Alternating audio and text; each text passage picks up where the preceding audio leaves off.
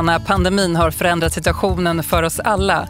Men spridningen av covid-19-viruset har för många med typ 2-diabetes inneburit än mer orostankar och försiktighetsåtgärder eftersom symptom som ofta hänger samman med diabetes lyfts fram som extra riskfyllda om man blir smittad. Hur har vardagen påverkats av den här märkliga situationen? Ja, hur tar man hand om sig själv och sin hälsa i karantän? Hör Björn Nilsson berätta om hur han tacklar ensamheten och hur han får tag i insulinsprutor utan att träffa någon. Och Mariana berättar om jobbet som undersköterska mitt i coronahitluften och om den svåra känslan av att inte få krama om sina barnbarn. Och så ska du få tips på hur du kan fortsätta ta del av patientutbildningar och kanske till och med ha ett läkarbesök online. Storstockholms diabetesförenings ordförande Anders Ekholm berättar hur du kan hålla dig ajour även på distans. Det här avsnittet av Typ 2-podden är ett specialavsnitt med anledning av corona. Jag som leder det hela heter Anna-Karin Andersson och jag hälsar dig som lyssnar varmt välkommen. I vanliga fall brukar poddstudion vara fylld av gäster men eftersom det är just coronatider sitter jag nu ensam vid mikrofonen. Men per telefon så ska jag nu få prata med Björn Nilsson som är 73 år och har typ 2-diabetes. Han lever ensam i sin villa i Saltsjöbo i Stockholm och han gillar att åka motorcykel, titta på fåglar, fotografera och gå ut och äta. Bland annat med mig, för Björn, du är ju min käre morbror. Hej på dig morbror Björn! Mm, hej, tjena! Du, hur har vardagen förändrats för dig sedan coronaviruset började härja? Det, det är betydligt tråkigare eh, här hemma. Det, det, är inte så mycket folk som vandrar förbi med sina hundar och kommer upp och pratar skit och sånt. Det, det är helt borttaget. För du lever ju ensam, och, men, men du är trots allt över 70 och så har du typ 2-diabetes. Och Björn, du har ju rökt ganska mycket genom åren och medicinera för högt blodtryck och sådär. Ja, det har jag gjort. Och det gör ju att du tillhör en, en lite extra utsatt riskgrupp nu sedan coronaviruset började spridas. Eh, ja. Har du inte gjort någon typ av förändringar i ditt sätt att leva på grund av det här? Det är det, ja. Man undviker ju att gå gå och käka och, och åka buss någonstans och sånt där. Det har jag helt hoppat över. Utan det får bli ut och åka med bilen eller motorcykeln eller någonting och förströ sig för. Men jag åker och handlar mitt eh, eget käk och det där. Eh, fast jag är där på morgnarna och står och skakar i dörrarna när de öppnar så att jag ska vara först in. Och helst, helst ensam också. Jag tänkte just säga det, hur kan man handla utan att sätta på andra? Jag tycker det är jättemycket folk i matbutikerna. Ja, men inte, inte om man hänger på låset åtta på morgonen. Då, då är det ganska bra. Du är morgonpigg? Ja, jag går upp i femtiden. Oj, oj, oj. Ja. ja. Mm. Men dina mediciner och så då? Du brukar ju beställa och hämta ut dem på ett uthämtningsställe där det är ganska litet, där de säljer lotter och spel och sånt. Hur har det funkat? Ja, det, det är faktiskt den enda grejen som som jag inte har, har gjort. Det var ett paket med sådana här insulinkanyler jag skickade efter. Men det, det frågade jag granntjejen om och, och hon har erbjudit sig tidigare att handla och grejer åt mig. Så det tog hon som ett skott dit ner. Men det, det är det enda. Eh, annars gör jag det jag ska själv, fast jag väljer tider noggrant. Mm. Men, men då var du mest för att det var så mycket folk i butiken som du kände att du inte ville kliva in? Ja, det, det, det var ju proppfullt. De kan ju fylla i såna här eh, tipskuponger och alla möjliga spel och dobbelgrejer. Så det var fullt. Då vill, inte, då, då, då vill jag inte gå in bara, så enkelt var det. Men att leva i karantän, det är ju tufft för många. Eh, vad gör du för att härda ut? Vad, vad roar du dig med i sådana här tider? Ja, jag, jag tar bilpromenader, eh, åker ut och tittar, kommer med mig och tittar på lite fåglar och om man nu hittar några, ta någon motorcykelrunda någon, någon dag när det är lite fint väder. Idag har jag varit ute och röjt i, i trädgården och grejat lite. Så, nej, ja, ja. Och, så, och så läser jag mycket. Mm -hmm. Har du några boktips så här avslutningsvis? Ja, jag, jag, fick en hel trave av min granne och det, det, eh, de flesta var någon författare som heter Martina Cole. Mm -hmm. Och det, det, de var inte dumma alls faktiskt. Det, det, det är um, undre världen i London det uh, utspelar sig i. Ja, det låter spännande. det är sådana här tegelstenar på en 700-800 sidor styck som man har att göra en stund. då klarar du hela coronapandemin kanske då? Nej, jag har redan betat av hälften. Oj, oj, oj. Utav, utav böckerna. Så att, eh, nej, men, nej, men ja, och sen är det lite, lite synd att man inte kan ta, ta bussen in till stan en kväll bara för att eh, käka en, en biff och ta ett par pilsner. Det, det saknar jag lite, men det, det är inte livsavgörande grej. Nej, men jag hoppas att vi kan göra det tillsammans snart, Björn. Ja, det hoppas jag verkligen. Mm. Det ser jag fram emot. Ta hand om dig så länge och kramar från mig så här på distans. Ja, detsamma till dig. Ha, ha det nu så gott. Ja, tack. Vi hörs. Hej. Hej. Och nu hälsar jag Mariana Ruitsari välkommen till Typ 2-podden. Hej på dig Mariana. Hej, hej. Du har tidigare varit med här i podden och delat med dig av dina tankar om att ha typ 2-diabetes och nu är du med på nytt eftersom läget är så annorlunda. Jag blir nyfiken på att höra hur du har det. För du är undersköterska och jobbar som bemanningsassistent på Södertälje sjukhus och är mitt i hetluften, skulle man kunna säga, just nu i coronapandemin. Du bemannar en hjärtmedicinavdelning och en internmedicinavdelning. Berätta, vad är det du möter för verklighet på dagarna på jobbet? Ja, man kan säga att jag är mitt i smeten där. Jag bemannar som sagt två avdelningar som båda kallas för covid-19 avdelning. Eh, man har munskydd, man har visir, eh, man ser knappt ögonen på folk och sen man har liksom förkläde, handskar, man är väldigt bra skyddad. Och då kan det kännas liksom för patienten som kommer där som mår dåligt och har kanske lite ångest, vet inte riktigt vad det här är, vad den har drabbats av och, och ser liksom den här vårdpersonalen och oftast är det flera stycken som är, står där som mångubbar och liksom ska ta hand om den här patienten. Så man har märkt att patienterna inte alls mår alla gånger bra när, när vi möter dem. Hur, hur är det att, att se de här eh, covid-19-patienterna? Hur, hur, hur mår de som kommer till er? Eh, vissa mår jättebra, vissa kanske är lite förkylda sägs det. Eh, och sen har vi de här som är alltså som man tar iväg till intensivvårdsavdelningen och söver ner och intuberar.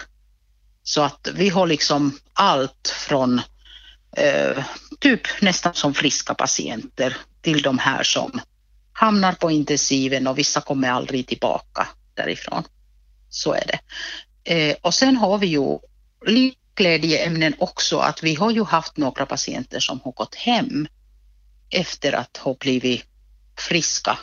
Och det är ju alltid så jätteglädjande. Alltså då, då är det nästan så att man står där och liksom, man kan ju inte kramas men man liksom vinkar till varandra och sådär och hej då, nu går du hem och tar hand om dig och allt det där. Så det är också en liten glädjeämne. Du har ju typ 2-diabetes, Mariana, och har ju tidigare berättat om hur du har kämpat med din övervikt. Hur tänker du själv kring risken att smittas? Om man säger så att när det här började så var jag inte så där jätteorolig. Jag tänkte att ja, men om jag får en förkylning så, så är det väl säkert corona.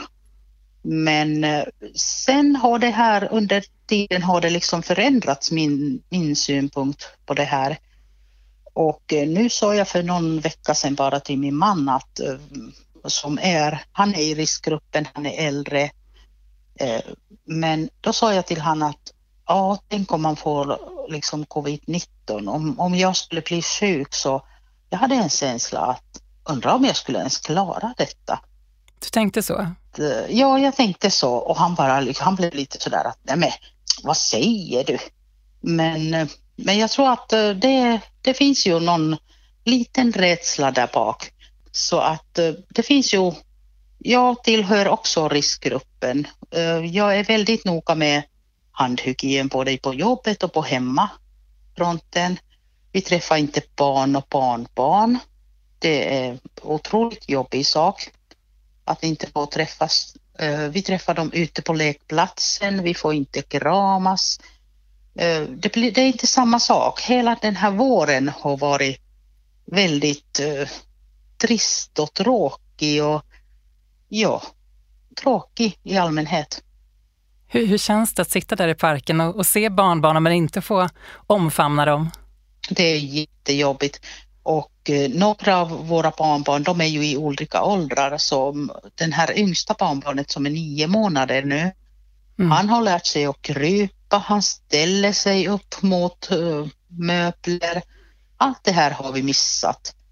Eh, liksom, han lär sig hela tiden, varje dag lär han sig nya saker.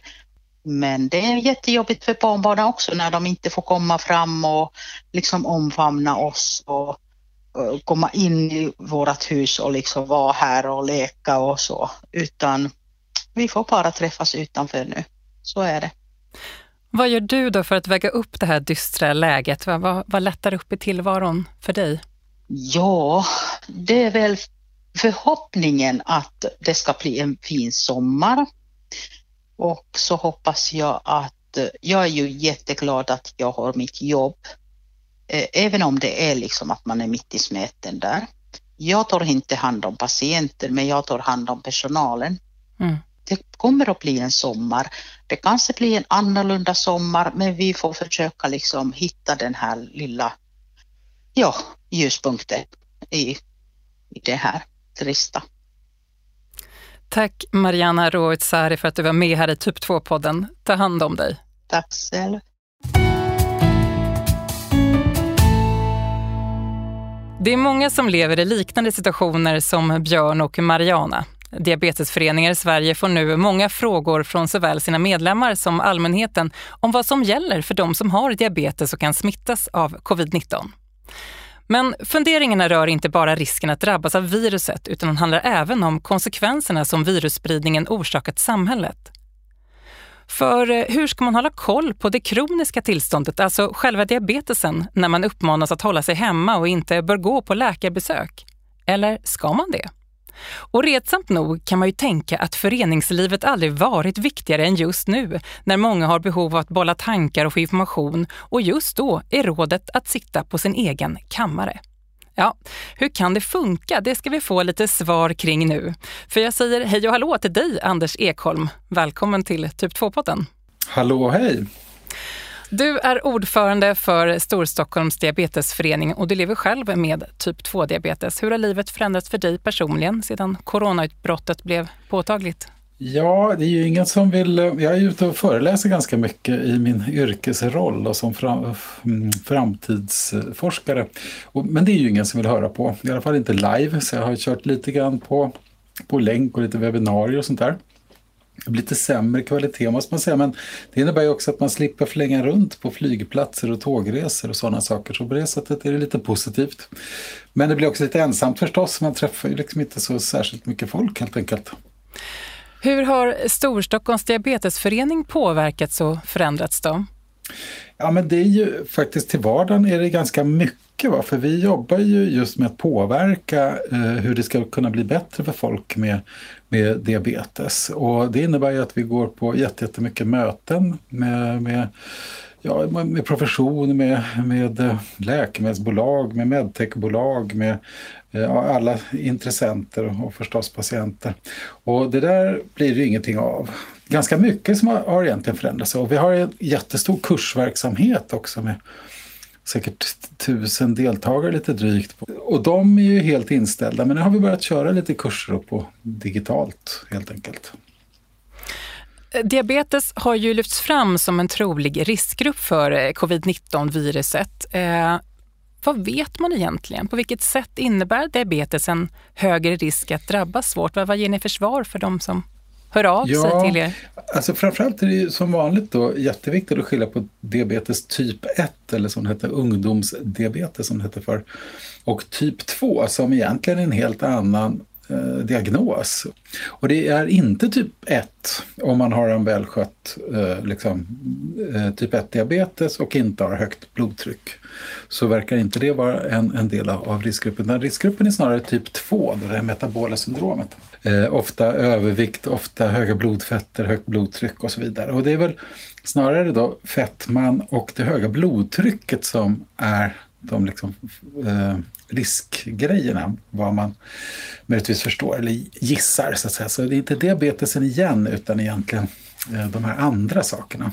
Så har man inte högt blodtryck och har man inte hög fetma, då pratar man ju om BMI över 40, så är man inte heller riskgrupp. Så man ska inte, behöver inte hetsa upp sig i onödan så att säga, tänker jag. Vad fyller eh, diabetesföreningar som till exempel den du företräder för funktion när något sånt här inträffar? Mm, det, det kom ju mycket frågor kring, eh, kring det.